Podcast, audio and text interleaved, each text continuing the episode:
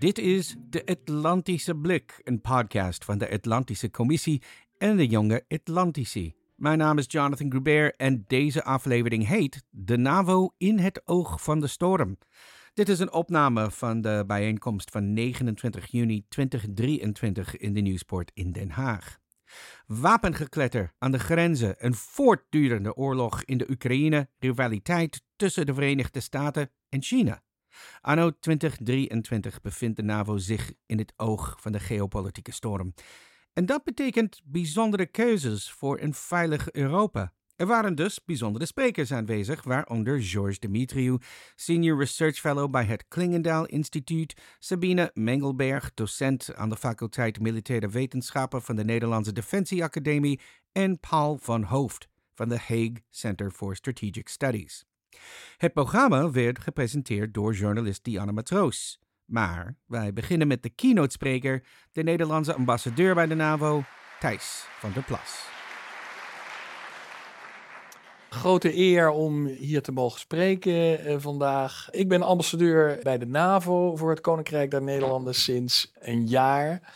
Dat is niet de eerste keer dat ik op de NAVO zit. 25 jaar geleden als jong diplomaatje heb ik daar ook vier jaar gezeten.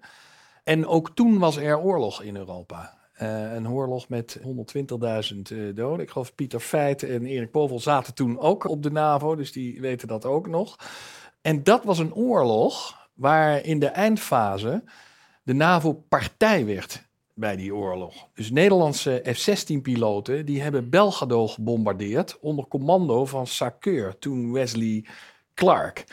Nu kom ik aan het einde van mijn loopbaan weer terug op die NAVO en is er weer oorlog in Europa. Dat is eigenlijk heel uh, ironisch, maar er is één groot verschil. Nu probeert de NAVO alles te doen om te zorgen dat de NAVO geen partij wordt bij die oorlog. Omdat we ons allemaal realiseren, als er een directe oorlog komt tussen de NAVO en Rusland, dan zou dat catastrofale gevolgen hebben. Dat willen we voorkomen. Tegelijkertijd realiseren wij ons allemaal de uitkomst van deze oorlog die nu gaande is in Oekraïne gaat bepalen of wij de komende decennia in vrede kunnen leven op het Europese continent of dat we voortdurend in onzekerheid zullen verkeren.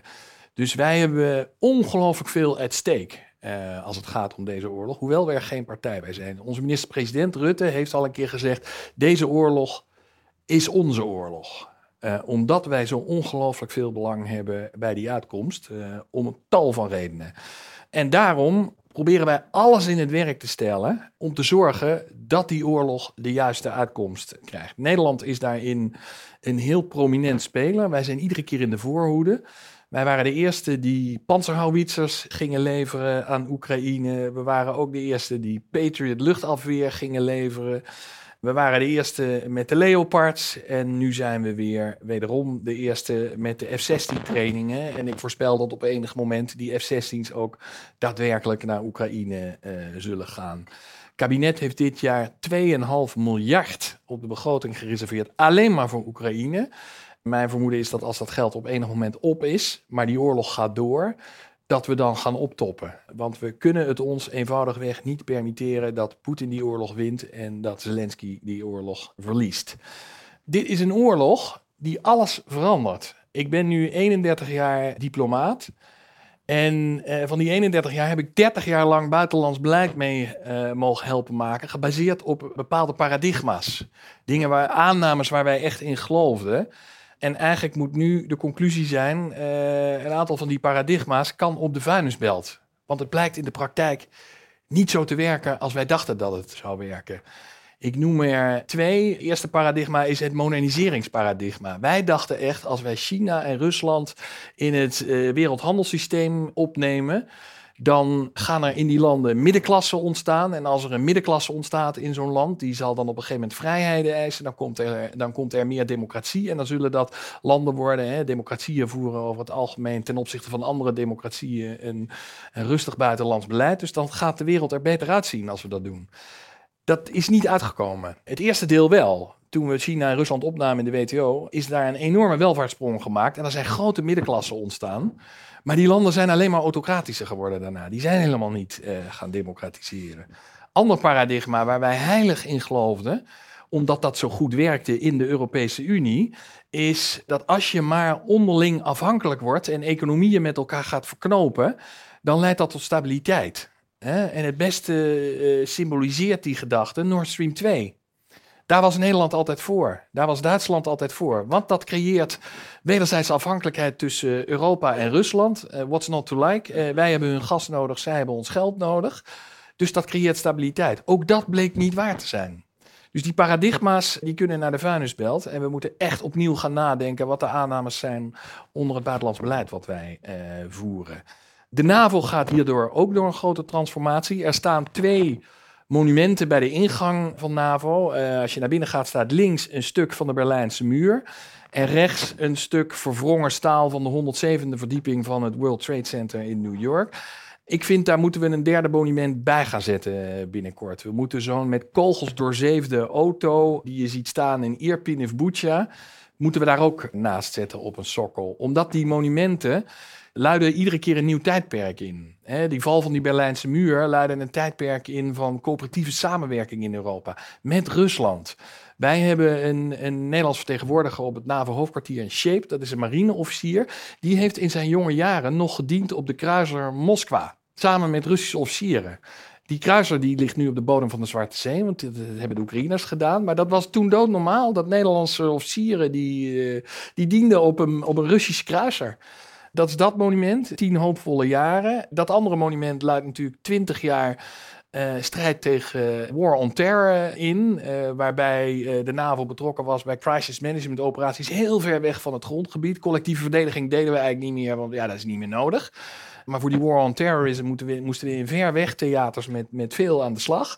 En nu, als we daar die auto uit Irpin of Bucha bij zetten, dat luidt dus het nieuwe tijdperk in waar we nu in zitten. We zijn weer helemaal terug naar waarvoor we op aarde waren als NAVO. En dat is de collectieve verdediging van het NAVO-grondgebied.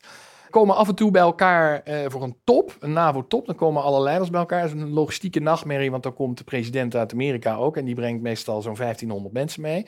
We deden dat ook nooit ieder jaar, zo'n top. Zo iedere drie, vier jaar. Nu hebben we dus eh, de top in Madrid gehad. Dit jaar de top in Vilnius. Volgend jaar de top in Washington, waar we het verjaardagsfeestje gaan vieren. 75 jaar verdrag van Washington. En uh, hopelijk het jaar daarna een top in Nederland. Daar zijn wij zeer in geïnteresseerd om dat te hosten. We moeten eigenlijk in het huidige geopolitieke klimaat ieder jaar een top hebben. Zeker zolang die oorlog in Oekraïne gaande is. Wat staat er dan op die top van Vilnius allemaal te gebeuren? Nou, belangrijkste onderwerp uiteraard die oorlog in Oekraïne. We gaan allemaal besluiten nemen. Uh, dat gaat over praktische steun van de NAVO aan Oekraïne. Maar het allerbelangrijkste is natuurlijk het lidmaatschapsperspectief. Wanneer gaan wij Oekraïne lid maken van de NAVO? Dat is natuurlijk een hele grote beslissing, want zodra ze lid zijn, als ze dan aangevallen worden, dan moet de hele NAVO hen bijstaan. En dan zijn wij meteen in oorlog met die aanvaller. Dus dat is een grote beslissing. Uh, het is niet de vraag of we dat gaan doen, want dat hebben we in 2008 op de NAVO-top in Boekarest al besloten. Hebben gezegd, Oekraïne zal lid worden van de NAVO. De vraag is nu wanneer. Nou, iedereen eh, bij de NAVO weet, we kunnen dat niet doen zolang die oorlog nog gaande is, maar dan gaat het om hoe snel daarna. En we moeten dus een extra stapje zetten ten opzichte van die taal in Boekarest in 2008, zodat Zelensky naar huis kan gaan en tegen zijn bevolking in oorlog kan zeggen, jongens, zit voorbij, ze gaan we echt snel lid worden. Tweede belangrijke onderwerp is de Defense Investment Pledge, de DIP noemen wij dat. In 2014 hebben we dat voor het eerst gedaan. Toen hadden we NAVO-top in Wales. Uh, de enige die er nu in Vilnius volgende maand weer bij zijn en die er toen ook al bij waren, dat zijn Rutte en Orbán. En in 2014 hebben we gezegd, we moeten toch allemaal streven naar 2% van je bruto nationaal product uitgeven aan defensie. Nou, uh, dat was aspirational language, van daar moeten we allemaal naar streven. Uh, dat gaat nu een stuk dwingender geformuleerd worden, omdat de geopolitieke context dat dicteert dat die defensiebegrotingen omhoog gaan. Nederland, ieder jaar komt er een lijstje uit hoe dicht iedereen bij die 2% is. Dat zeg maar het name and shame lijstje. Nou, daar stonden wij echt in de shame categorie altijd als Nederland. Dus echt onderaan in het tweede rijtje, in het rechter rijtje bungelden we. Uh, maar dat is voorbij. Er is ongelooflijk door Nederland geïnvesteerd in de defensiebegroting. 5 miljard structureel erbij, van 15 miljard naar 20 miljard. Dus volgend jaar zitten wij in de Champions League. Horen wij bij die groep van zo'n 20 landen die 2% gaat halen. Om dat vast te houden overigens, zullen we door moeten gaan met die begroting uh, verhogen. Hè? Want als je bruto nationaal product hoger wordt, het noemer-effect zeg maar, dan moet die teller mee omhoog. Daar wordt nog heel veel over gepraat. Sommige landen zijn daar natuurlijk enthousiaster over, uh, namelijk die al 2% uitgeven, dan de landen die nog niet op die 2% zitten. En sommige landen zeggen van ja, dat gaan wij voorlopig niet halen. Spanje zegt in 2029 gaan wij dat halen. België zegt in 2035 gaan we dat halen. Maar dat is onderwerpje 2. Het derde onderwerp, dat is toetreding van Zweden. Nou, dat is heel, daar kan ik kort over zijn. Dat is in handen van één man, de president uh, van Turkije, Erdogan. Daar vinden nog uh, gesprekken plaats voor die top. Volgende week is er weer een belangrijke bijeenkomst van ministers van Buitenlandse Zaken van die twee landen. En uiteindelijk is het aan Erdogan om te bepalen: ik heb nu genoeg gekregen van die Zweden, dus ze mogen erbij of niet. Het scenario dat uh, het Turks parlement nog gaat ratificeren voor 12 juli. Dat zie ik eigenlijk niet meer gebeuren. Maar het is ook een groot succes als Erdogan op die top zegt: Ik ben tevreden en ik ga het nu voorleggen aan mijn parlement. En dan zijn ze voor het eind van het jaar binnen laatste onderwerp dat ik noem, en dan, ga ik, dan, dan stop ik ermee. Dat is de deterrence and defense posture van de NAVO. Dat, uh, dat is een moeilijke term, maar uh, de NAVO, moet je niet vergeten, is een defensieve alliantie. En waar valt of staat een defensieve alliantie mee? Met afschrikking. Wij moeten effectieve deterrence hebben. Zodat niemand het ooit in zijn hoofd haalt om NAVO-grondgebied aan te vallen. Omdat degene die dat wel doet, weet, dan dat, dat ga ik echt een hele hoge prijs voor betalen. Nou, dat is op tot nu toe super succesvol, want we hebben het begin van dit conflict, hè, überhaupt al 74 jaar leven die NAVO-landen in, in vrede en veiligheid en stabiliteit. En aan het begin van deze grote landoorlog in Europa, die begon, hebben wij heel duidelijk gemaakt, every inch of NATO territory wordt verdedigd. En Poetin heeft het dus ook nog niet in zijn hoofd gehaald om uh, bijvoorbeeld de aanvoerlijnen naar Oekraïne uh, op NAVO-grondgebied te gaan aanvallen. Zou hij dat wel doen, dan, dan weet hij gewoon, ja, dan heb ik meteen een ongelofelijke overmacht uh, tegenover mij staan. Dus die turns is effectief. Maar we hebben nu eigenlijk voor het eerst sinds de val van de muur weer een hele nieuwe set plannen gemaakt. Dat heeft Sakeur, de, de, de belangrijkste militair binnen de NAVO, heeft dat gepresenteerd. Waarin we effectief invulling geven aan die afschrikkingsgedachten. We hebben ook allemaal troepen voorwaarts geplaatst aan die oostflank in de Baltische Staten, in Polen, in Roemenië, in Bulgarije. Om maar duidelijk te maken, dit is NAVO-grondgebied en probeer het niet. Nou ja, de NAVO is, uh, ik zeg dat altijd vol trots, ik werk op dat hoofdkwartier. En dat is het hoofdkwartier van de meest succesvolle en de machtigste alliantie in de geschiedenis van de mensheid. Die ons al bijna 75 jaar veilig houdt. Dus dat is een groot voorrecht. En ik vind het ook een groot goed dat Nederland lid is van die NAVO. Ik zeg het altijd heel simpel. Onze voorspoed, die behalen wij dankzij het lidmaatschap van de Europese Unie. Onze veiligheid, die hebben wij te danken aan dat lidmaatschap van de NAVO. Dus dat dubbele lidmaatschap, dat is voor mij echt de cornerstone van Nederlands buitenlands beleid. Tot daar, Diana. Heel veel dank. En nou, mag best even een applaus voor, zou ik zeggen. Uh, laten we met elkaar beginnen om vanuit de actuele oorlogssituatie daarmee te beginnen. Kijken waar we nu staan, welke fase van de oorlog. En dan langzaamaan eigenlijk richting die uh, NAVO-top gaan spreken. Welke belangrijke besluiten daar uh, vallen. En dan naar de geopolitiek en dan uh, jullie vragen. En ik zou eerst even gewoon met de handen willen peilen. Wie, wie denkt, want je hoort een heleboel experts nu proberen duiding te geven. Ook wat we hebben gezien met de Wagner-groep. Wie denkt dat in Rusland echt scheuren beginnen te ontstaan in de top? Wie, wie denkt dat? even handen omhoog. Ja, je mag ook meedoen. Ja, ja, ja. ja. Oké, wie denkt dat absoluut niet? Oké, dat is iets te twijfelachtiger. Um, of twijfelachtiger. Uh, er is er eentje die, die het vindt, dus dat is eigenlijk niet, dat is eigenlijk heel duidelijk. Um, als ik zou uh, mogen beginnen, toch even Thijs, om dat uh, aan jou te vragen. Want we zien een heleboel duidingen nu uh, over elkaar wentelen. En zit daar het westerse wensdenken in? Want iedereen verkneukelt zich een beetje over allerlei scheuren die er in de Russische top zijn ontstaan. En dat het allemaal in het voordeel is van ons. Maar is dat zo? Ja, ik heb heel veel mensen, uh, ook Europese politici, uh, dat zien zeggen. Uh, dit zijn de eerste barsten in het ja. regime van Poetin. dat, ik vind dat wensdenken. Het kan best zijn dat het zo is, maar we weten dat gewoon eenvoudig op dit moment niet. Het is daar veel te vroeg voor. we moeten gewoon de komende weken zien hoe dit stof gaat neerdwarrelen. Hè. Er zijn nu allemaal geruchten dat uh, generaal Surovikin inmiddels in hechtenis is. En daar wordt over gespeculeerd, dat is de afrekening. We zullen zien of dat zo is. We weten het niet. Ik, ik denk, dat is in het algemeen iets wat ik wil zeggen over dit conflict. Ehm, we moeten heel bescheiden zijn over wat wij weten. Hè. Alle Europese veiligheidsdiensten waren heel stellig uh, tot in december 21, januari 22, toen daar echt al meer dan 100.000 troepen aan de grens stonden. Wij zien geen intent.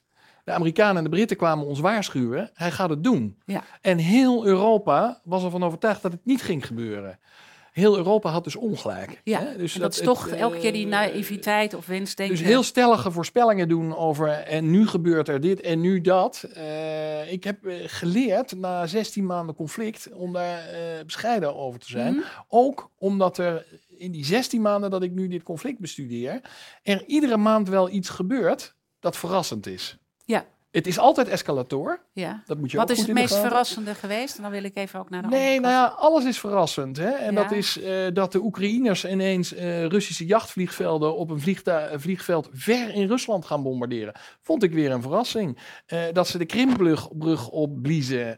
daar hadden wij altijd al van gedacht. Dat is logisch dat ze dat doen. Maar dan deze deze. Ja, dat is ook een verrassing. Dat die Russen die Kachovka-dam opblazen met een humanitaire catastrofe als gevolg. Dat zijn iedere keer weer verrassingen waarvan sommige mensen zeggen dat hebben we al voorspeld. Ja. Maar het, ik wil alleen maar zeggen, dit conflict is buitengewoon onvoorspelbaar. En ik zit mij de hele tijd af te vragen, wat wordt de verrassing voor jullie? Ja. Voor juni heb ik hem al gehad. Oké. Maar wat wordt de verrassing voor jullie? Ik weet dat niet. Nee.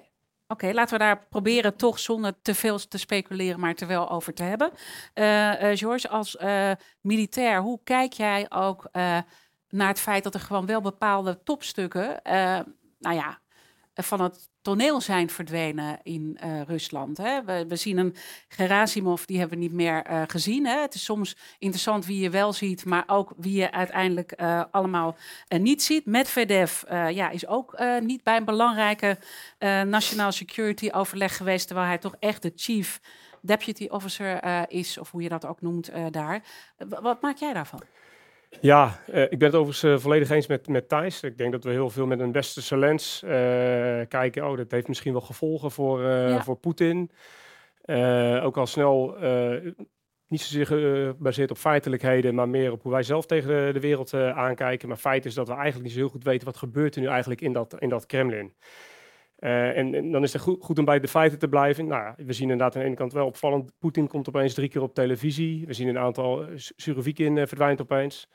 Maar Soroviev, hè, de, de belangrijke uh, propagandist hè, met, zijn, met zijn talkshow. Je ziet toch dat in de aanvallen nog steeds Poetin uh, eigenlijk buiten schot blijft. En ja, het, heeft ook wel, het heeft hem ook wel wel duidelijkheid gegeven, want er zijn een aantal politici geweest die zich direct hebben uitgesproken tijdens de Wagner-opstand. Van uh, ja, we steunen uh, Poetin en zich uitgesproken hebben tegen Wagner. En een aantal hebben dat ook niet gedaan. Dus nou, zeker in een land als, als Rusland, waar nou ja, de, loyaliteit uh, boven competentie staat, is dat natuurlijk is dat absoluut. En de Russische elite wist niet hoe snel ze de, de benen moesten nemen. Ik bedoel, de private jets stonden te ja, Dus ik denk dat dit, het is inderdaad zeker niet zo dat Poetin hier, uh, hier, hier op dit moment slechter voor, voor staat. Militaire kopstukken. Ehm, nou ja, Shogun is uh, notabene nog beloond voor zijn optreden voor, voor, tijdens de Wagner-opstand. Dus die heeft er voorlopig niet onder geleden. Terwijl het toch een van de voornaamste targets was van, mm van Prigozhin. Um, ja, en zeker in de operationele commandantenlijn is er niets veranderd. Dus ik verwacht niet dat er uh, in die commandolijn nu grote veranderingen hebben plaatsgevonden die merkbaar zijn op het gevechtsveld. maar die punten die ik net uh, benoemde, dat een Medvedev niet bij het belangrijke security uh, overleg is geweest en dat we wel weten dat zijn eigen toestel in Oman ergens staat. Ja. dat is toch niet niks dat zo'n man opeens niet meer zichtbaar is. En ook een Gerasimov is ook niet zichtbaar. Ja, ja. Vind je dat niet gek? Nou ja, ik, ik wil daar eigenlijk eh, bij aansluiten eh, wat de eerder groep is. Dat is ik vind dat echt even te vroeg. Hè? De, de, de, de, geruchten dat Surovikin in een gevangenis zit, het staat in de Moscow Times. Maar is mhm. dat zo? Ja. En wat zit daar dan achter? Ik denk dat echt ook de, de gevolgen voor die Wagner-opstand, dat gaan we echt pas over een tijdje zien wat dat daadwerkelijk betekend heeft uh, voor de macht in, in Rusland. Ik vind dat nu, kan er nu nog weinig zinnigs van maken. Oké. Okay. Het heeft uh, eigenlijk vooral heel verrast. Uh, Sabine, jij wilde graag op inhaken. Ja, omdat de, de focus ligt op het, uh, op het Kremlin en wat, wat er daar gebeurt. En ik, ik zat, zit aan die kant die misschien iets juichender staat ten aanzien van de mislukte Wagner-koep. maar ik wilde ook de discussie buiten eigenlijk richting de NAVO trekken ehm, en meer globaal. Want gaan we, ook doen hoor, maar ik weet niet of oh, het nee, niet te vroeg is welke nee, haak je gaat maken. Uh, nee, oh. helemaal snap ik. Maar ten aanzien van wat er met Wagner uh, groep is gebeurd. Eén is dat, uh, en daar hoor ik weinig over, is dat Erdogan ook Poetin als een van de eerste heeft, heeft zijn steun betuigd als mm -hmm. NAVO-lid. Hoe duid jij dat? Nou, aan de ene kant kan hij niet anders, omdat hij natuurlijk ook die link heeft met, met Poetin. Maar het is wel iets waar we binnen de NAVO over na moeten denken. En dat speelt natuurlijk al vanaf het begin van het conflict. Die positie van Erdogan, dat, dat kun, kan ons goed uitkomen, maar ook niet. En met die mhm. aankomende NAVO-top denk ik dat dat ergens ook wel op tafel ligt of op de agenda staat. Misschien niet en plein publiek. En de andere is wat ik nog naar voren wilde brengen, is dat Wagner natuurlijk met, laten we zeggen, economische, militaire, politieke belangen in Afrika uh, zit verweven, waar de Europese Unie steeds meer wordt uitgedreven. Mhm. Ik ben heel benieuwd wat dat voor gevolgen heeft. Uh, dat Wagner misschien wat dat betreft, uh, dat die invloed gaat tanen, ja. economisch en politiek, en dat wij eruit zijn gezet als Europese Unie. Ja, daar ben ik ook benieuwd naar. Dat, hè, op langere termijn heeft dat ook consequenties. Dat wilde ik even toevoegen, specifiek op dat Wagner. Ja. Paul, hoe kijk jij naar de huidige situatie? We moeten niet te veel speculeren, maar we zien toch wel dat ja, er natuurlijk wel het een en ander gebeurd is. Hoe maak jij de balans op? Nou, het, het, is inderdaad dat het uh, heel onduidelijk is wat er nu precies, precies gebeurde. ja. right? dat, dat is een beetje dooddoener. En het is inderdaad zo dat we veel wensdenken doen.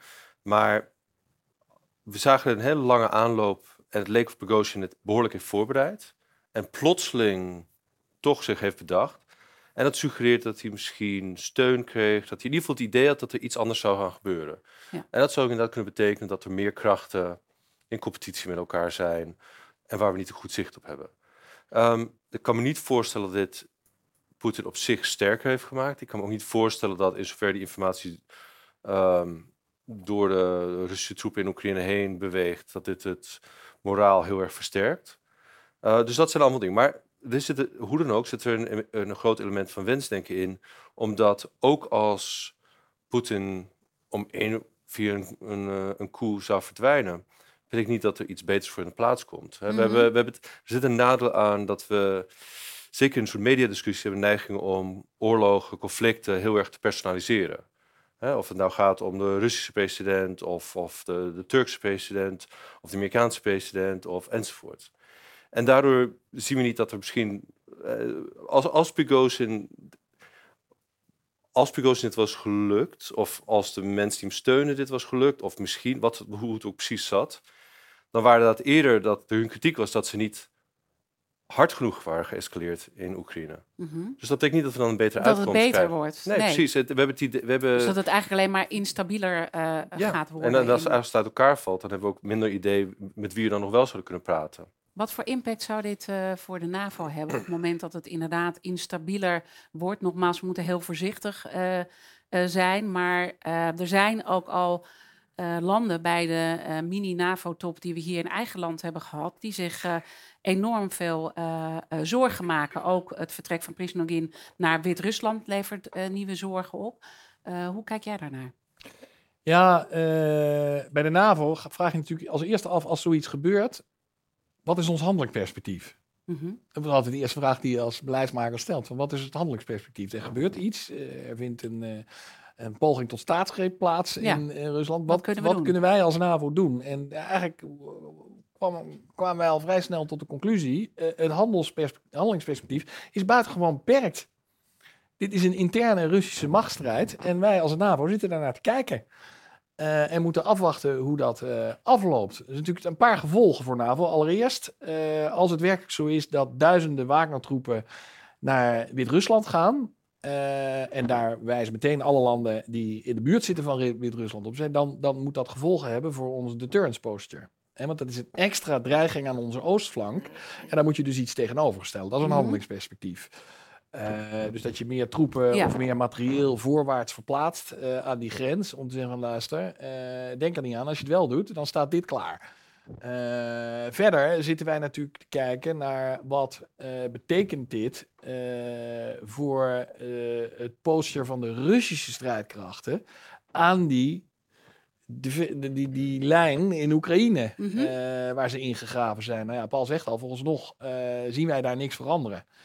Uh, want dat zou natuurlijk ook uh, belangrijk zijn. En ja, in, in, de derde plaats, wat natuurlijk, eh, Rusland is een kernwapenstaat, die hebben 1600 strategische kernkoppen. Het is natuurlijk nooit fijn als er dan grote instabiliteit in een regime is, terwijl ze op 1600 kernkoppen zitten. Dus dat, dat noopt tot extra waakzaamheid. Extra goed kijken, dat is elke keer verandert daar iets. Ja. Maar volgens nog verandert daar ook niks. dus het is voor ons, hoe vervelend dat ook is, toch heel erg afwachten hoe dit uh, zich verder uitkristalliseert. En, en dit is niet een, eh, want je zou wel kunnen zeggen, uh, Poetin heeft zich altijd het voordeel gedaan met de tijd, de tijdrekken. Misschien dat tijd wat minder in zijn uh, voordeel is op dit moment. En zou dat ook een stap naar de onderhandelingstafel kunnen zijn? Is dit ook een momentum om die positie in te gaan nemen? Nou ja, dat, dat is weer een beetje wensdenken van, hey, tijd werkt niet meer in het voordeel van Poetin. dat zullen we moeten zien of dat zo is. Dat weten we niet. Uh, Poetin heeft in ieder geval heel veel massa achter zich staan. Ja.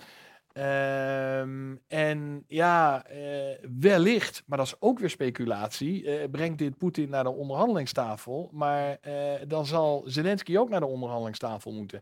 En zeer terecht zegt Zelensky, ik wil best naar de onderhandelingstafel, maar dan moeten eerst al die troepen mijn land uit. En dat zie ik niet gebeuren op korte termijn. Dus die onderhandelingstafel is nog, uh, is nog een eindje weg. Ja. Uh, dat zal heel erg afhangen van het succes van het Oekraïense tegenoffensief. En ook daar, ja, ik, dit is een beetje flauw dat ik dat iedere keer zeg, ook daar moeten we afwachten. Ja. dat is nog in de beginfase, maar eh, het succes van dat, onder, van dat offensief zal bepalen of die onderhandelingstafel dichterbij komt. Oké, maar laten we het dan ook militair beschouwen. Want als we gewoon even ook uh, heel eerlijk kijken, Oekraïne wordt enorm... Uh, gesteund uh, door het Westen op verschillende manieren. Maar ze vechten toch een beetje met één hand op de rug.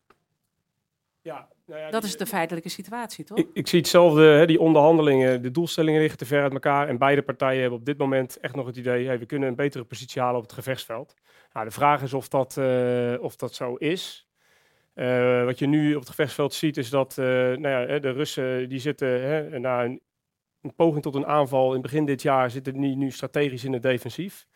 En Oekraïne, nou ja, die heeft een best wel forse gevechtskracht verzameld en is bezig met een offensief. Nou, de eerste fase van het offensief, kunnen we wel zeggen, is niet zo heel goed verlopen. Ze hebben met name heel veel uh, te gehad van, uh, van Russische helikopters, elektronische oorlogvoering, uh, drones. Ehm, ja, en, en ik heb eigenlijk al vanaf het begin ook wel geroepen van ja, van hoe succesvol, wat voor succes, hoeveel succes kunnen we nou eigenlijk van Oekraïne verwachten? Want ze hebben toch uiteindelijk voor een grootschalig offensief te weinig zware middelen. Ze hebben uh, bijvoorbeeld 600 tanks gevraagd, maar uiteindelijk hebben ze maar 300 uh, eh, gekregen. Dus je bent eens, ze vechten met één hand op de rug? Ja, uh, hun artilleriemunitie is, is denk ik niet voldoende. Ja, en, en de mate van getraindheid is, is wat kun je verwachten van een eenheid die, zo'n eenheid die een enkele weken tot maanden zulke soort complexe operaties moet uitvoeren. Dus ik ben gematigd positief en die één hand op de rug, dat zit er dan vooral in zware middelen, uh, munitie en mate van getraindheid. En dan weten we dat die F-16's uiteindelijk een keer gaan komen, maar dan is het ook welke F-16's krijg je? Dat is belangrijk om ja. uh, te beschouwen. En hoeveel zijn het er en wanneer ja. komen ze? Ja, nou ja, goed. De verwachtingen zijn dat F-16's, dan heb je het inderdaad over het trainen van mensen, de, de, spullen leveren, maar ook bijvoorbeeld vliegvelden voorbereiden, dat daadwerkelijk F-16's kunnen vliegen, onderhouden worden, et cetera. De verwachting is dat zeker niet voor 2024 uh, gaat zijn. Maar ik wil ook wel uh, F-16 zijn hartstikke mooi, maar het gaat geen gamechanger zijn. Want de Russen hebben zoveel luchtafweer in dat gebied staan. Uh, dat de Oekraïners F-16's ontzettend goed kunnen gebruiken om bij tactische acties hun gevechten te ondersteunen. Maar het is niet opeens dat ze daarmee nieuwe doelen kunnen gaan bereiken of de Russen verder naar achter uh, dwingen. Nee, het gaat. Het gaat wat, is, wat is er dan wel nodig? Want dan komen we ook een beetje ja. ook richting de NAVO. Ja, uh, nou ja, ik vind persoonlijk, uh, als we daadwerkelijk willen dat Oekraïne hè, uh, uiteindelijk eh, op het gevechtsveld zoveel succes boekt dat ze ook met, op een gunstige conditie zeg maar, naar de onderhandelingstafel moeten, dan moet er toch echt meer geleverd worden. Ze hebben te weinig tanks, te weinig munitie. Dat is ze missen nachtzichtmiddelen bijvoorbeeld. Dus we geven heel veel. Ik ben het mee eens, Nederland loopt echt daarin voorop. Maar we geven ze op dit moment genoeg om te overleven, maar niet genoeg om te winnen. En dat heeft natuurlijk ook te maken met de Russische tegenstand, want die zitten daar uh, natuurlijk ja. in een forse gevechtskracht. Um, ik wil zo ook weten van Thijs en Paul hoe ze hier naar kijken, uiteraard. Maar uh, Sabine, als ik, uh, moet, moet, de, moet de NAVO moediger zijn als je dit eigenlijk allemaal zo ziet en dat we natuurlijk toch ook best wel een tijd hebben gewacht in de beginfase. en nu ook ja, zoveel, en we moeten balanceren en dat is ook duidelijk waarom we dat moeten doen. Maar moet je ergens ook moediger zijn als NAVO? Ja, want er wordt natuurlijk ook uh, constant geroepen. Uh, we, we, staan achter uh, Oekraïne ja. met alle mogelijke middelen en, en morele steun. Maar vooral die middelen zijn belangrijk. Het gaat meer om taal nu. Ja, ook dat. Ehm, maar ik zit ook te denken, een NAVO 31 lidstaten. hopelijk wordt het 32. Um, ehm, maar dat is niet zozeer degene waar het om gaat. Maar met die 32 lidstaten heb je wel een enorme diverse club aan, aan landen. En dan is uh, Oekraïne en de dreiging vanuit Rusland belangrijk. Maar ja, zoals de NAVO het zelf noemt, ze hebben een 360 graden approach. Dus spelen ook andere belangen uh, een rol, zoals migratie. Uh, en bijvoorbeeld de deal die we nu met Marokko maken, maar de hele Mediterranee, vluchtelingenstromen. En voor andere landen zijn dat weer belangrijke aspecten. Ehm, zeker de dreiging vanuit Rusland en, en het steun van Oekraïne staat denk ik op nummer één. Maar er zijn er ook andere belangen waar we rekening mee moeten houden. En dat maakt het wel moeilijk om, om, uh, om die steun, laten we zeggen, hè, wat Dimitri ook aangeeft, van wat er allemaal nodig is. Uh, dus je ehm, begrijpt uh, dilemma's? Ja, er zitten grote dilemma's, ja, op ja, verschillende maar fronten. En toch dat, dat wetende, al die dilemma's, is mijn vraag, moet daarna van moediger zijn? ja, moediger. Ik, als je dat vraagt, dan zit ik ook te denken van lidmaatschap misschien. Uh, dat, dat zou echt moedig zijn. Of een no-fly zone. Of, of ja. uh, uh, iets met de graanexporten, daar toch de internationale wateren op gaan. met, met schepen? Ja, ja, ja, je krijgt allemaal variaties. Dat, dat hoor je ook al over van we moeten ze meer bieden als wat we in Budapest in 2008 hebben gedaan. Dus dan praten ze over Budapest Plus. Mm -hmm. ik zie ook met artikel, sorry? Oh, Boekarest. Dat is heel moeilijk. Nee. Merci. Uh, Boekarest van 2008. Hè, dat, dat uh, verhaal wat we denk allemaal kennen over die uitbreiding uh, gaat tot stand komen. Wanneer is nog een open deur? maar dat zie je ook met, laten we zeggen, die veiligheidsgaranties. Ik denk dat we daar ook nog over gaan hebben. Vind ik ook een hele interessante. Mm -hmm. Dat is een soort artikel 5 light. Of, of variabele artikel 5. En daar, daar zou je ook in hebben aan de ene kant of artikel 5 of niet. Dat is wat we natuurlijk heel duidelijk stellen. Maar wat zijn die veiligheidsgaranties dan? En kunnen we dat verder oprekken? Laten we zeggen, misschien in een multilaterale samenstelling. Ja. En als de NAVO of de NAVO-lidstaten dan moediger zou moeten zijn, ja, dan zitten daar misschien opties. Hoe kijk jij naar die opties, uh, Paul? En dan wil ik uh, dan horen van Thijs wat het meest realistisch is. Want je zit bij de NAVO en je ziet al die dilemma's natuurlijk voorbij komen. Nou ja, moedig geworden. Um, je, kan, je moet veel meer wapens. Je moet wapens blijven leveren. Je moet, en je moet een systeem opzetten zodat je dat. Dat kan ook werken voor om onderhandelingen met Rusland misschien te bespoedigen. Als zij weten dat wij tien jaar lang, als het moet, eindeloos wapens kunnen blijven sturen, munitie kunnen blijven sturen naar Oekraïne, dan wordt het voor Rusland misschien echt een kwestie van misschien hebben we toch niet te lang staan. Right? Dus, dus dat, dat kun je doen. Maar moedig in termen van veiligheidsgaranties Um, af en toe als we die discussies hebben, dan kijk ik het raam uit. En dan zie ik de heel, heel Den Haag liggen en Nederland liggen. Ik, dat, dat, het maakt, je maakt hele grote stappen waar, waarbij hele grote delen van de Europese samenlevingen daarmee ook een enorme risico lopen. Het is heel moeilijk om veiligheidsgaranties te geven aan Oekraïne in deze situatie. In oorlogstijd? In oorlogstijd. Of zelfs als er nu een staak tot vuur zou zijn, maar er zijn er is geen duidelijkheid of er is geen overeenkomst over waar de grenzen nou precies liggen.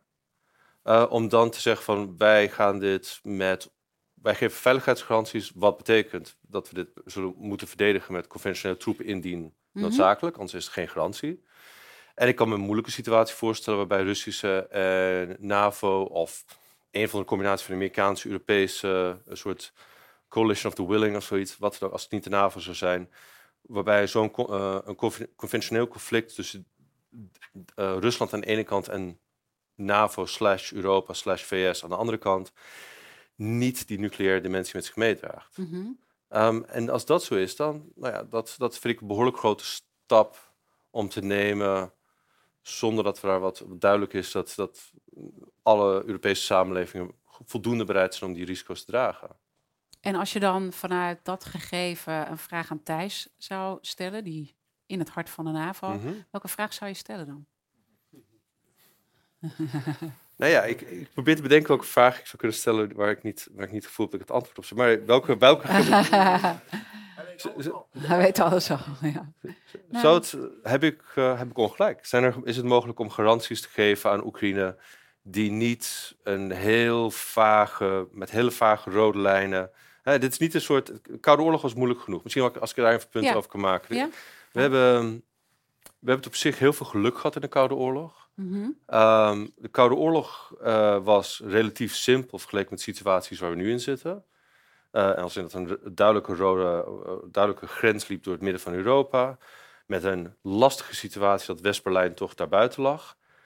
En de Koude Oorlog was niet zo simpel. Dat, is, daar zit, dat hebben we een soort naar de hand omdat het, zo, omdat het goed geëindigd is, hebben we, zijn we vergeten hoeveel, hoe eindeloos veel werk erin zat, hoeveel, hoeveel keer het bijna fout is gegaan, hoeveel moeite de VS moest besteden om Europeanen zowel te overtuigen dat ze bereid zouden zijn ze te beschermen, mhm. maar tegelijkertijd te zorgen dat Europeanen niet doodsbang werden dat een oorlog daadwerkelijk op hun grondgebied gevochten werd. Hoe moeilijk het was om, te, om daarin het vertrouwen te werken dat niet iemand risico's zouden nemen, juist omdat ze dachten dat de VS ze zou beschermen. Dus al, en dat was al moeilijk genoeg. Ja in deze situatie is dat nog keer, moeilijker. keer een factor of zoveel groter. Dus ik zie dat, ik kan het moeilijk indenken hoe we garanties kunnen geven aan Oekraïne in deze situatie. En die vraag zou je willen stellen. Dan. Precies. Thijs. Ja, een paar dingen. Allereerst over wat is nodig. Nou, ik ben het helemaal uh, eens. Uh, heel veel meer van hetzelfde. Dat is het eerste wat nodig is. Dus heel veel meer artillerie, tanks, munitie, luchtafweer. Heel belangrijk. Mm -hmm. uh, als de Russen ooit air dominance krijgen boven Oekraïne, dan is alles wat we gedaan hebben voor niks. Want hun hele luchtmacht is nog intact en dan worden de Oekraïners gewoon in de pan gehaakt. Uh, dus we moeten ze vol blijven pompen met, uh, met luchtafweer. Uh, dus meer van hetzelfde. Mm -hmm. En daarnaast iedere keer next level gaan. Systemen waarvan je zes maanden geleden zei, dat gaan we echt niet doen, toch gaan leveren. Hè? Dat, is iedere, dat is het verhaal van deze oorlog. Uh, en de volgende, die weet ik al, dat is dat de Amerikanen de etencamps moeten gaan leveren. Hè? Dat zijn uh, raketten met een dracht van 300 kilometer. Uh, je ziet dat de Britten, die hebben de Storm Shadow geleverd. Dus die zijn eigenlijk de Amerikanen voor nu. Dat is ook een systeem dat verder gaat dan de systemen, de mm -hmm. HIMARS, die tot nu toe geleverd zijn. Dat is meteen heel effectief. Uh, dus die etencamps komen een keer aan de beurt. Ik denk dat de Reaper drones, we hebben er vier, uh, we hebben net vier extra besteld. Uh, ik zou mij niet verbazen als die op een gegeven moment ook die kant op gaan. Jachtvliegtuigen zijn we al mee bezig, maar zullen ook die kant op moeten. Dus allerlei systemen waarvan we nu zeggen, doen we nog niet, nee. gaan we gaan straks we wel, doen. en dan wordt hier de vraag gesteld, moet de, moet de NAVO moediger zijn? Ja. Ja, het makkelijke antwoord is ja, tuurlijk. Tuurlijk moet de NAVO moediger zijn. En we moeten de hele schuur leegrijden en alles, alles, alles geven. Maar dat is te makkelijk. Als je eenmaal, dat, is, dat is voor commentatoren heel makkelijk om te zeggen. En dat hoor ik ook vaak. Ja, ze zijn te langzaam en we doen dit incrementeel. En daardoor vechten de Oekraïners met één hand op de rug. Dus we doen het allemaal verkeerd. Uh, maar dat is niet voor niks dat we het doen zoals we het doen. Mm -hmm. Omdat er ook nog een ander aspect uh, aan al die leveringen zit. En dat is het escalatierisico. Ja. En dat moet je iedere keer incalculeren. Mm -hmm. En dan zijn ook de commentatoren vaak heel bang. Ze zeggen, ja, maar goed, dat roepen we al heel tijd, die escalatierisico. En iedere keer escaleren we. En dat doet Poetin niks. Dus laten we maar in één keer doorschakelen. Ja. ja, maar het verleden is geen garantie voor de toekomst. Dus we moeten iedere keer die afweging maken. Is ook heel veel kritiek op Duitsland. Dat ze niet genoeg doen, dat ze altijd te laat zijn. Uh, ik zet, stel daar altijd tegenover. Bedenk je even in wat voor binnenlandspolitieke context uh, ja. Scholz opereert. Mm -hmm. Hè, voor Duitsland om tanks te gaan leveren waarmee op Russen geschoten gaat worden. Dat is gezien de historische last die ze met zich meedragen niet een makkelijke beslissing. Ze hebben hem uiteindelijk genomen uh, nadat de Amerikanen uh, ook mee gingen doen. Maar dit soort beslissingen zijn niet zo makkelijk nee. als het uh, soms lijkt. Nee, en ik, ik, ik dus... wil dat absoluut niet te makkelijk maken, maar ik verwoord inderdaad ook wat experts daarbij aangeven. En goed om daar ook weer uh, kritisch op te beschouwen. Aan de andere kant geef je ook aan van, ik weet al wat het volgende wordt en dat we daar ook uiteindelijk die stap gaan zetten. Dus we gaan het uiteindelijk toch doen. En we worden uiteindelijk steeds meer toch deze oorlog ingezogen. Dus dan zou je ook kunnen zeggen, waarom zou je nog zo lang wachten? Ja, maar je beleidsrespons houdt verband met wat er in het slagveld gebeurt. Stel dat, uh, dat hopen we natuurlijk allemaal, dat dat Oekraïense offensief hartstikke succesvol gaat zijn. En op een gegeven moment die Russische verdedigingslinies gaan uh, desintegreren. En dat de Oekraïners in staat zijn uh, uh, naar het zuiden door te stoten en de Krim af te snijden. en dat we een situatie krijgen zoals je in het najaar daar bij Kharkiv zag. Dat ineens die troepen massaal het op een rennen zetten. En er ineens honderden vierkante kilometers terrein veroverd worden door Oekraïners. Dat kan. Mm dat kan, ik acht niet super waarschijnlijk, maar dat kan best gebeuren. Ja, dan hoeven we die etecamps niet te leveren. Maar als dat uh, offensief helemaal vastloopt uh, en we moeten constateren, dit is hem dus niet, okay.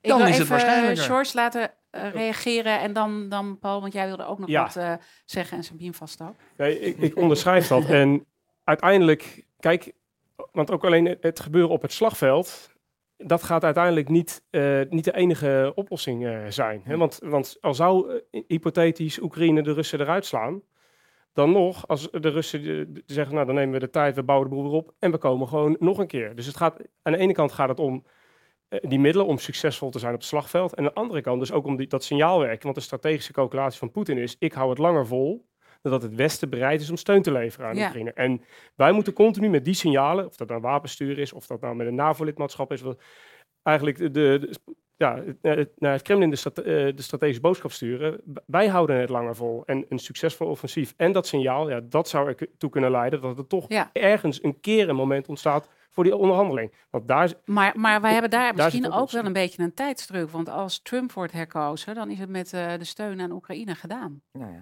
Ja, de Oekraïners die voelen dat heel goed als ze hier zijn. En eh, vragen Ja. om, eh, om wapens. Ja, dat is Ja, dus je zorg. zegt, ja, we moeten, we moeten tijd, we moeten lange adem. Maar de vraag is, dus, dus ergens moet je ook dan eh, voor dat moment eigenlijk zorgen dat je de opening hebt. Ja, makkelijker gezegd dan gedaan Ja, dat natuurlijk. is... de- de- Sabine, hoe kijk jij daarnaar? Nou, Hoe groot zijn die risico's? Ehm, die zijn heel groot, maar ik wil eigenlijk een stap daarvoor maken. Dat, dat, ehm, dat zie je ook heel veel in de media en, en, eh, eh, de experts. Het gaat constant over het leveren van wapens.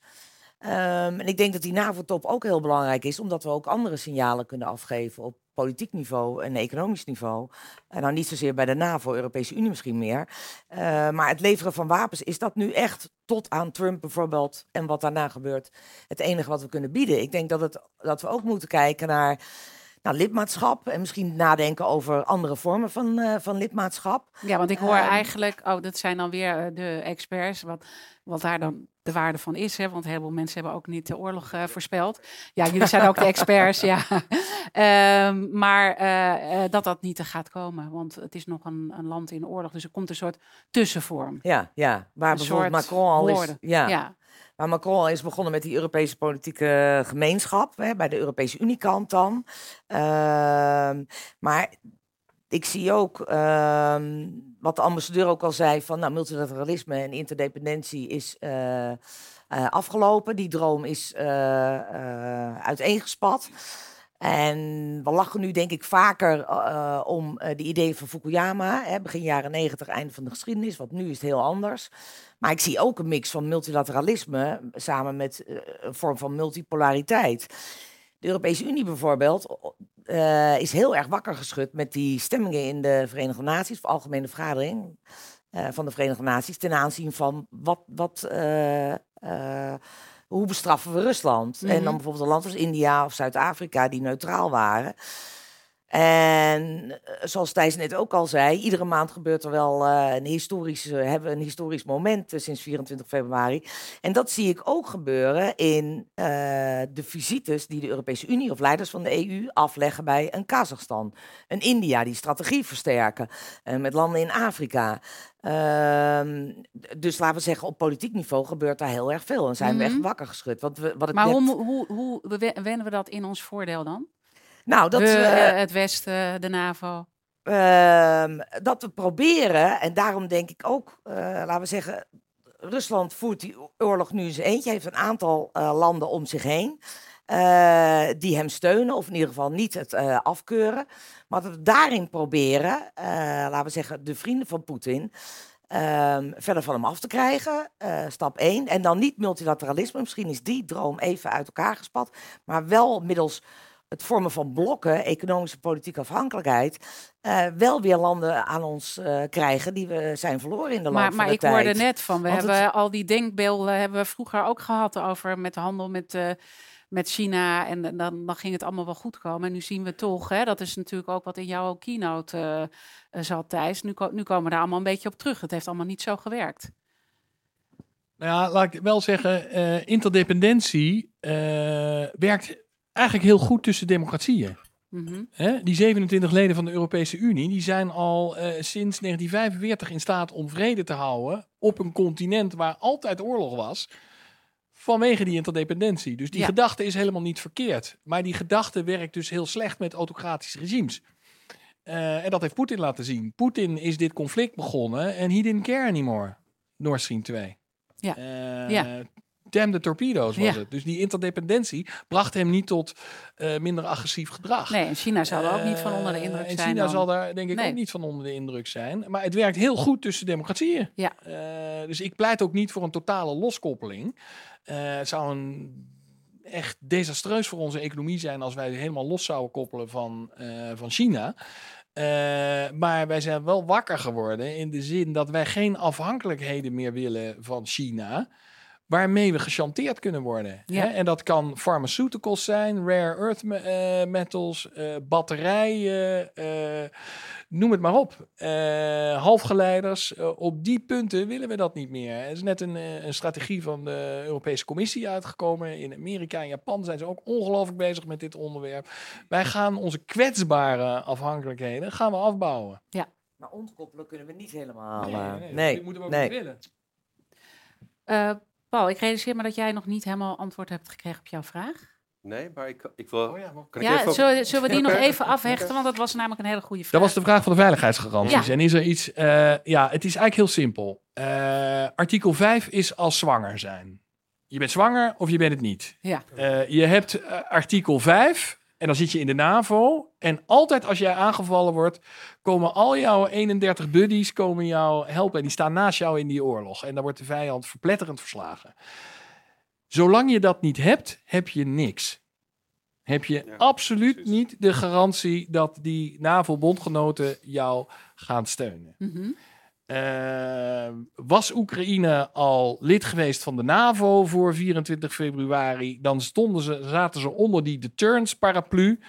Eh, en dan denk, ik, dan denk ik dat Poetin wel drie keer nagedacht had voordat hij überhaupt zou gaan aanvallen. Daarom zijn ook de Baltische republieken eh, in redelijk veilig territorium, want die zitten onder die paraplu. Maar het is echt digitaal. Je hebt het of je hebt het niet. Mhm. Nou, wat we natuurlijk nu gaan doen, is zeggen we ja, NAVO, eh, Oekraïne gaat dat krijgen op enig moment in de toekomst, Ja. maar niet nu. Dus wat gaan we nu in de tussentijd aan ze geven? En dat heet dan security guarantees. De Amerikanen zeggen al tegen mij van je moet het niet security eh, guarantees noemen, maar security assurances. Eh anderen zeggen nee, je moet het security commitments noemen. Nou, je merkt al, hè, het is allemaal net steeds iets minder, minder, minder. Eh, maar wat het is, is het volgende. Wij gaan Oekraïne garanderen tot in lengte van jaren zullen wij ervoor zorgen dat jullie strijdkrachten hebben die goed gefinancierd zijn, goed uitgerust zijn, goed getraind zijn, goed geadviseerd worden. Mhm. Wij gaan er gewoon voor zorgen dat jullie een deterrent force hebben, zodat na deze oorlog, eh, wie er ook zit in het Kremlin, eh, het nooit meer in zijn hoofd haalt om dit te doen. Omdat we jullie gewoon bij gaan staan met al die middelen. Maar we gaan ze niet zeggen. eh, en we gaan met jullie, eh, naast jullie staan als het weer knokken wordt. Ja. Want dat zeggen we pas op het moment. En ook niet, we gaan zijn. no-fly zone. eh, eh. Nee, een no-fly zone, dat kan dus ook niet. Dat is allemaal als je Ja. lid bent. ja, dan maar kan het daarvoor wel. niet. Paul. Ja, een paar, paar punten. Want het is inderdaad, het is een, heel, het is een dichotome variabele. Of je zit erin of je zit, zit er bui- buiten. En een no-fly zone betekent gewoon dat je, of, het, of het betekent niets, of het betekent dat je Russische vliegtuigen uit de lucht gaat schieten. Dan gaat het, zou het betekenen van schiet ze uit de lucht als ze boven Oekraïns grondgebied zijn. Maar als ze hun wapens afvuren buiten Oekraïns grond, mag ze dan ook neerschieten. Wat doe je dan met hun de, de, de, Mhm. de vliegbasis waar vandaan komen? Eh, je, krijgt een aantal vragen die je bijna niet kan oplossen dan. Maar er is natuurlijk ook iets heel interessants. Van dat, is iets, uh, een opmerking die uh, Thijs een paar minuten geleden maakte. Over die wapenleveranties. En over de, hè, dat zit een gedeelte de praktische bezwaar of praktische moeilijkheden aan om het allemaal tegelijk te leveren. Maar er, er, is iets heel ironisch gebeurd. Waar we sinds, zeker sinds 2014, heel erg bang waren dat Rusland uh, onder de zogenaamde noemer van hybride oorlogvoering, een soort geleidelijk, incrementeel iets zou doen. Kleine groene mannetjes die de, de Baltische Staten binnen zouden lopen. Of uh, allemaal manieren om steeds eigenlijk aan de, aan de marges te zitten en daar inbreuken op te maken. En op een bepaald moment een situatie te creëren waarbij we eigenlijk niet meer wisten wanneer wij wel konden escaleren of niet. Of, mm De grap is natuurlijk dat, dat die wapenleveranties zijn niet in één grote bulk gegaan door, door iedereen tegelijkertijd. Maar juist, wat is nou precies de rode lijn geweest voor Rusland? Als, als de Britten dit leveren, uh, misschien niet. Als de Duitsers dit leveren. Want er zijn allemaal, in, omdat het juist om het al kleine stapjes gaan, zijn we in zekere zin hebben we, en dat is niet helemaal gepland, maar hebben we eigenlijk gebruik kunnen maken van het feit dat de Russen daardoor ook niet een duidelijke rode lijn hadden mhm. meer. Ehm, dat, maar die kan, dat betekent niet dat, we, dat, dat die eeuwig mee door kan gaan. En nee. daar kun je niet van uitgaan dat er niet ergens een punt is uh, of misschien dat we dit, dat, punt nu al, hè, weet niet precies wat in het Kremlin gebeurt, dat we dat punt al hebben bereikt. Dus, daar, dus dat even als, als opmerking. Mm -hmm. En dan over de, omdat we terug nu praten over, over China, over de zogenaamde Global South, over de an, die andere landen. Ja, want je uh, bent voorzitter van ook zo'n uh, ja. hub hè, die daarover nadenkt. Ja. Nee, ik denk dat het risico dat we, dat we daar lopen, is dat we steeds praten over de strijd, over het narratief, of dat hè, het allemaal nu niet meer werkt. Maar wat we daarbij over het hoofd zien, is dat um, het gaat helemaal niet om ze wel of niet aan onze kant te krijgen. Want het betekent niet dat ze aan de Russische kant zijn of dat ze aan onze kant zijn. Het betekent gewoon dat ze aan hun eigen kant zijn. Ze zijn dit, al die landen. Mm -hmm. En wat vraagt dat voor opstelling vanuit ons? Dan? Dat betekent, geef ze een beter, geef ze een beter alternatief. Wat, dat ze China niet, ze hoeven niet naar Rusland en China te kijken en daar enthousiast van te worden. Maar in sommige gevallen nemen ze Russische wapens af. In andere gevallen heeft China zwaar of gro op grote schaal in geïnvesteerd. Um, wij stellen daar misschien voorwaarden in, aan die investeringen die China niet doet. Punt is dat zij er allemaal proberen hun eigen veiligheid, hun eigen stabiliteit, hun eigen welvaart te vergroten. We spelen daarop in plaats van een idee te hebben dat we, hè, oh nu geloven jullie niet meer in het einde van de geschiedenis, we gaan jullie weer heel hard proberen te overtuigen daarvan. Ga, ga, maak, doe dingen die geloofwaardig zijn. Mm -hmm. Niet niet alleen maar een, een leuk verhaaltje en dan weer, uh, zodra misschien de invloed van China een beetje afgewend is, dan weer uh, van het uh, toneel verdwijnen tien jaar. Ben je het daarmee eens, Sabine? Ja, daar ben ik het helemaal mee eens. Maar het ook, wat, wat ik bedoelde is van dat het, laten we zeggen, uh, op het netvlies van bijvoorbeeld de EU uh, en ook de NAVO. Uh, maar ik denk dat de EU een, een, een bredere gereedschapskist heeft hiervoor. Dat het niet meer op het netvlies stond. Er was bijvoorbeeld een EU-India-strategie en daar, die heeft heel lang als het ware in een laag gelegen. En dat bedoelde ik van, nou, dat soort uh, bi tussen een internationale organisatie en, een, en bijvoorbeeld India, uh, dat soort relaties worden weer opgepakt. En het feit dat bijvoorbeeld de EU aanwezig is in Armenië. En er zijn weer ogen geopend die lange tijd uh, dicht waren. En het vraagt misschien een, een, minder arrogante opstelling van ons ook naar die landen. Ja, ja toch? dat is wat, wat Jaap de Hoop Scheffer ook zegt. Dat ja, absoluut. Dat geldt ook voor Afrika. Ja, we zijn natuurlijk altijd we zijn een hele tijd aan gewend geraakt dat iedereen naar ons toe komt. Ja. Uh, en dat is gewoon niet meer het geval. En dat, nee. dat, dat, kunnen we makkelijk mee om, uh, makkelijk, maar kunnen we in ieder geval mee omgaan. Alleen moeten we eerst die mentaliteit veranderen. Ja. Het was ook pijnlijk dat eigenlijk uh, wij in het Westen zo verbaasd waren over die positie van India en Zuid-Afrika en noem al die landen maar op, die neutraal stemden ja. ten aanzien van voordelen van Rusland in de algemene vergadering van de VN. Eigenlijk wel, ja. ja. Waar ik nog wel even ook met jullie over uh, bij wil stilstaan. Ik hoor doorgaan op, op de weg en kijk hoe je toch tot een constructie kan komen dat ze meer een veiligheidsgevoel krijgen vanuit Oekraïne. En dat betekent dus dat er steeds meer uh, wapens ook die kant op zullen blijven gaan. Uh, zolang dat nog mogelijk uh, ook blijft. Want je weet niet wat er allemaal gebeurt in de wereld. Maar laten we daar even van uitgaan. Die wapens en al die tanks en al dat soort zaken komen uit dezelfde fabrieken. Ja. Waar wij onze spullen ja. vandaan halen om ons veilig te houden. Ja. Uh, en je zegt meteen ja. Uh, ja, sorry. Want, uh, ja. kijk jij hier als militair naar? Nou ja, dat is wel een, een, een, een echt wel een ik, dat is nog wel een, een probleem uh, op dit moment. Want inderdaad, uh, meer wapens, meer munitie. Maar die, ja, uh, inmiddels zijn de garages in de meeste Westerlanden ook wel leeg. Hè? Wij kopen soms Precies. bij het buitenland nu om dat al. naar Oekraïne te kunnen, ja. te kunnen sturen. Ehm, ik ben daar, nou ja, misschien ja, toch ook wel wat minder positief over. Het is ons nog steeds niet gelukt om de defensieproductiecapaciteit echt, echt op te schalen. Dus van vredesbedrijfsvoering naar echt een, een andere manier van, of een, een andere hoeveelheid van productie. Nou, zowel, en ik, heb, ik las vandaag dat er iets van een Defense Production Action Plan is besproken. En dat het mogelijk ook besproken gaat worden tijdens de, de, de, de NAVO-top. Maar daarin staan nog steeds dingen. Hè? Het onderzoeken van de bundelen van de vraag, het onderzoeken van de obstakels.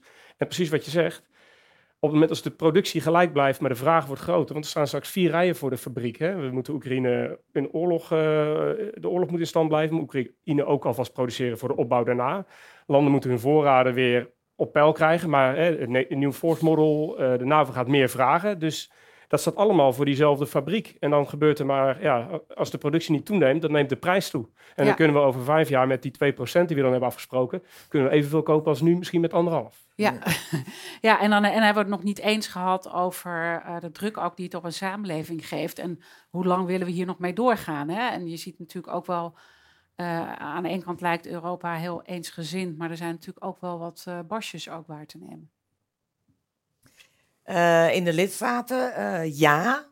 Uh, wat ook al werd aangehaald, bijvoorbeeld de positie van Duitsland. Maar ook bij, bij de bevolking in Europa. Ehm, ja, ja, dat denk ik dat dat ook wel een punt is waar we aandacht aan moeten besteden meer. Want dat, dat vind ik ook wel wat... Alleen in de media, hè, dus bijna geen dag gaat voorbij of het gaat over de oorlog in Oekraïne. In sommige periodes is het wat uh, rustiger. Bij de politiek ook. Maar initiatieven vanuit ehm, uh, de bevolking, dan, dan ja, zit ik te denken aan die, friet, uh, die frietbakkers in ja. Oekraïne. Ja, die dan worden beschoten en dat hebben meegemaakt. Maar ja, initiatieven vanuit de rest van de bevolking, alleen al in Nederland. En ik denk, ja, ik ben bijvoorbeeld ook een paar maanden terug was in de Baltische Staten. Zo'n wereld van verschil met wat we mhm. hier zien gebeuren. Maar hoe houden die Nederlandse bevolking erbij betrokken? Ja. En ook andere landen uh, betrokken. En toen ik uh, Rob Bauer uh, bij de Big Five voor BNR interviewde, jullie hoogste militair bij de NAVO, was dit ook wel een punt waar hij zorgen over heeft. Weet je, hoe houden we dat, hoe houden we dat levend? Hoe zorgen we dat er genoeg steun komt? En intussen zijn er dus ook zorgen vanuit militair oogpunt, hoe zorgen we dat we zelf veilig genoeg blijven? Hoe kijk je daarnaar, Thijs? Hoe gaan we dit duivels ja, dilemma ben, oplossen? Ik ben het met alles eens uh, wat gezegd is over uh, defensie, uh, productie opschroeven. Ehm, laat ik er dit over zeggen. Oorlogen gaan heel erg over leiderschap. Ja. Leiderschap is doorslaggevend in iedere oorlog en dus ook in deze oorlog. Um, en wat dit conflict maar weer laat zien, en sommigen in Europa zijn daar helemaal niet blij mee. Maar dat het gaat om de veiligheid van het Europese continent, dan is dus Amerikaans leiderschap onmisbaar. Stel je eens voor dat op 24 februari Joe Biden had gezegd tegen Macron en Scholz: uh, Ik ben druk met andere dingen.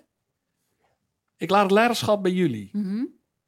Dan denk ik dat Poetin nu in Kiev had gestaan dan was nooit op gang gekomen wat nu op gang gekomen is. Dan, uh, dat is, hebben we echt te danken aan de leiderschapsrol die Amerika uh, gespeeld heeft. Mhm. Als het uh, er ooit van komt dat Amerika die leiderschapsrol niet zou willen vervullen. Omdat Trump bijvoorbeeld aan de macht is. ik zit nu bij de NAVO, maar ik heb het allergrootste deel van mijn carrière in de Europese Unie doorgebracht. Mhm. Daar is leiderschap traditioneel de as Parijs-Berlijn die verschaffen dat leiderschap. Mhm. Daardoor hebben we uh, die gemeenschap voor kolen en staal gekregen. Daardoor hebben we de interne markt gekregen, de monetaire unie, de uitbreiding. Maar dat was nog wel onder leiding van Merkel natuurlijk. Alles, ja, maar ook haar voorgangers en de Franse voorgangers van Macron. Het is dat leiderschap, dat heeft ons alles gebracht...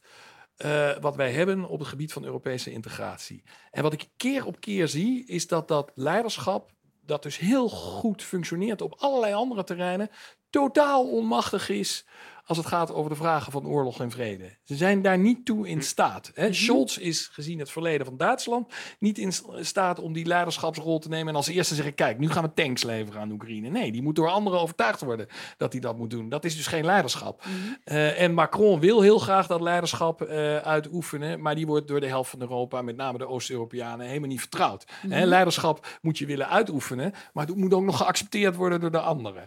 Dus, uh, maar uiteindelijk gaat het in, de, want deze oorlog gaat nog heel moeilijk worden. Hij gaat nog lang duren. Mm. Hij gaat veel meer extra offers vergen. Er komt veel meer druk op onze nationale begrotingen. Uh, die militaire arsenalen zullen leger en leger raken. Uh, de, de economie zal eronder lijden. Uh, de stemmers in al deze landen, onze landen, die gaan ontevreden en ongeduldig worden. En dan komt het aan op leiderschap. Dan heb je mensen nodig die zeggen. En bij wie zie je dat wel dan? Nou, ik zie dat bij onze minister-president. Zijn kompasnaald staat super strak op dit moeten wij doorzetten, hoe moeilijk het ook wordt. Uh, dus dat is een leider waar, weer, waar je in Nederland, uh, er is veel kritiek op Mark Rutte, maar ik ben heel blij dat hij zit waar hij zit. Ja. Uh, met Zou je willen dat hij Jens Stoltenberg opvolgt? Even tussendoor. Even tussendoor. Ja, die was heel subtiel. Laat ik daar dit van zeggen. ja, mooi. Het is een beetje als de Miss World verkiezingen. Ja. Uh, daarvan wordt altijd gezegd: het mooiste meisje zit thuis voor de televisie en doet niet mee. En dat is hier ook het geval. Ja, uh, en Mark Rutte is dat mooiste meisje, maar hij doet niet mee. Ja. En dat heeft hij keer op keer gezegd. Dus het wordt tijd dat iedereen hem gaat geloven. Ja, dat is wel vaker zo dat hij dingen zegt en dat we dan eindeloos niet blijven geloven. Um, ja, lekker hoor. En het is altijd spannend hoe het dan nu weer afloopt. Geen um, Ja, precies. ja. Ik wil uh, uh, zo langzamerhand ook, uh, ik kijk even naar de tijd, gaan toewerken dat er ook voldoende ruimte nog is voor vragen. Maar misschien nog één vraag aan jullie, want het is natuurlijk wel heel spannend ook wat er in Amerika gaat gebeuren. Het werd wel even aangestipt, maar um, ja, als Trump aan de macht komt, dan, dan, dan ziet het er allemaal heel anders uit. Wat, wat, wat vraagt dat van ons allemaal? En welke impact, laat ik het zo zeggen, heeft het op de NAVO als Trump aan de macht komt? Ja. Ja. Uh. Plechtig nou, laten we hopen dat het. Nee. Uh. niet Kunnen we dit er even uitknippen? Ja, ja. precies. Ja. Uh, ja, die, ja, zoals Thijs net ook al zei, van, hè, leiderschap is heel belangrijk, zeker in de oorlog of, of, politieke crisis. ook corona heeft dat uh, laten zien, of niet laten zien. Ehm, maar puntje bij paaltje, dan gaat het ook om overleven. En dat geldt op de militaire, uh, maar ook op politieke kant. En als Amerika wegvalt, ja, de meeste oorlogen hebben we natuurlijk tussen Europese staten gehad. Ik ben heel benieuwd of we dan een andere uh, scenario krijgen als uh, Amerika niet meedoet. Of we dan echt, hè, het is voor ons ook makkelijk geweest onder die paraplu van Amerika. Ja, ik, ik, ik denk dat we daar ons zorgen over moeten maken. Kijk, Biden is waarschijnlijk de meest pro-Atlantische president, of kan ik wel met stelligheid zeggen, de meest pro-Atlantische president in 30 jaar. Uh, hij heeft dit, de, de Oekraïne-oorlog heeft hij heel competent geleid. Um, maar wat we hier makkelijk over het hoofd kunnen zien is dat ook zes weken na, na de oorlog, de grootste oorlog in Europa in, in, sinds het einde van de Tweede Wereldoorlog was begonnen, dat de National Defense Strategy, uh, die eind maart uitkwam vorig jaar, nog steeds zei: China is de belangrijkste, uh, belangrijkste dreiging die, die de tempo aangeeft voor Amerikaanse defensieplanning. Um, dit, Heb je het ook over Taiwan en zo? Precies. Dus dit, dit, en China is al eigenlijk voor, voor uit het Amerikaanse perspectief zijn het grootste deel van de Europese problemen zijn eigenlijk met de uitbreiding van de NAVO eind jaren 90, begin jaar 2000 grotendeels opgelost. En daarna was het een zelfvoorzienend momentum. En alles daarna, met steeds onderbrekingen door de oorlog tegen terrorisme, door de Arabische lente, is proberen verschuiven naar de Indo-Pacific. Dus dat gebeurt. Biden is de meest pro-Atlantische president. Um, ik denk niet dat, maar hij is ook duidelijk dat hij niet de toekomst is. Mm -hmm. ik bedoel, ik, ik, dus, er zijn geen aardige manier om te zeggen, maar hij, is, hij heeft duidelijk niet het eeuwige leven en minder waarschijnlijk dan de meeste mensen hier. Um, wie er, hij is ook de laatste van een bepaald soort generatie. Right? De, waar de generatie die, die in de jaren 70, jaren 80 in het Amerikaanse congres diep betrokken eh, was bij wat er in Europa gebeurde. Hè, waar John McCain bijvoorbeeld ook een voorbeeld van is. Dat zie je niet bij, deze, bij de, de nieuwe generaties. Ja, dat dus zie je, zegt we moeten meer de eigen beroep Ja, en, en, nog even om daar even helemaal dat het idee af te maken. Dat zie je dus aan, bij de, aan de democratische kant. Zie je dat uh, een soort op, het Obama-achtige deel van, van um, de Democratische Partij, heeft heel veel sympathie voor het idee van Europa. Ziet dat als een soort iets waar ze liever de VS ook nou, in termen van gezondheidszorg en infrastructuur een beetje heen zouden willen bewegen. Maar ze heeft ook de ogen vooral op China gericht. Uh, en als je nu kijkt naar de Republikeinse kant, we, we staren ons een beetje blind op Trump. Maar de hele Republikeinse partij gaat, gaat door een periode heen die niet over een paar jaar afgelopen zal zijn. Dat zal mhm. nog steeds 10 jaar, 15 jaar, 20 jaar misschien duren waar ze niet geïnteresseerd zijn in multilateralisme in enige vorm. Ja. Totaal niet geïnteresseerd zijn in okay, Europa. Dus, dus daar maak jij je zorgen over, hoor ik zeggen. Wat, meer dan zorgen. ja. Meer dan zorgen, ja. Wat moeten we daaraan doen? Want uiteindelijk, uh, wat is het handelingsperspectief nou, hè, dan? Er zijn een paar, ja, nee, nee, er, kunnen, er, er, zijn een paar dingen die we aan kunnen doen. Eén is, we moeten gewoon onze eigen veiligheid beter op orde krijgen.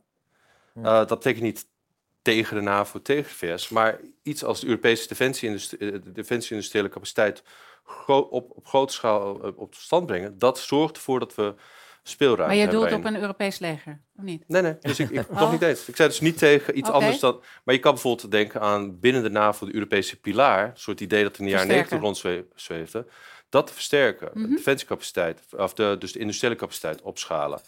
En ook op andere manieren zorgen dat we ook proactiever zijn in die transatlantische relatie onderhouden. Dus niet denken, op hetzelfde manier verwachten dat de rest van de wereld naar ons toe komt, verwacht dat de VS steeds naar ons toe komt. We zijn niet meer het nummer één prioriteit, we zijn de nummer twee prioriteit. Ja.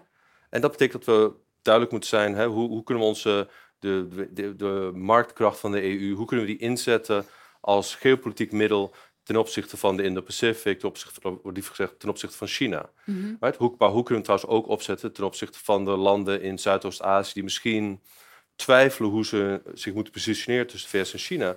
Wat kunnen we die bieden? Dat, ze, dat die keuze voor hun minder zwart-wit wordt. En dat ze bereid zijn ja, daar ook in ieder geval niet de kant van China te kiezen.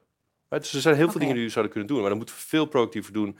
En ik denk dat we nog steeds, nadat Biden eenmaal verkozen werd, zeiden van, we zijn van Trump af, nu komt alles weer goed, alles gaat naar normaal toe dus we moeten ook een sterker buitenlandbeleid weer ontwikkelen. Biden, Biden is echt het laatste, is de laatste van de mooie kaan, wat dat betreft. Ja, het is natuurlijk zo complex dat we het ook allemaal niet helemaal nog tot in de diepte kunnen bespreken. Uh, maar we zijn een heel eind gekomen en ik wil uh, een bijzonder dank aan uh, Thijs. Het was heel fijn dat dit allemaal nog kon en dat we ook het, vanuit het hart van de NAVO konden meepraten. Maar zeker ook de andere gasten. Dus ik zou zeggen, geef ze een daverend applaus.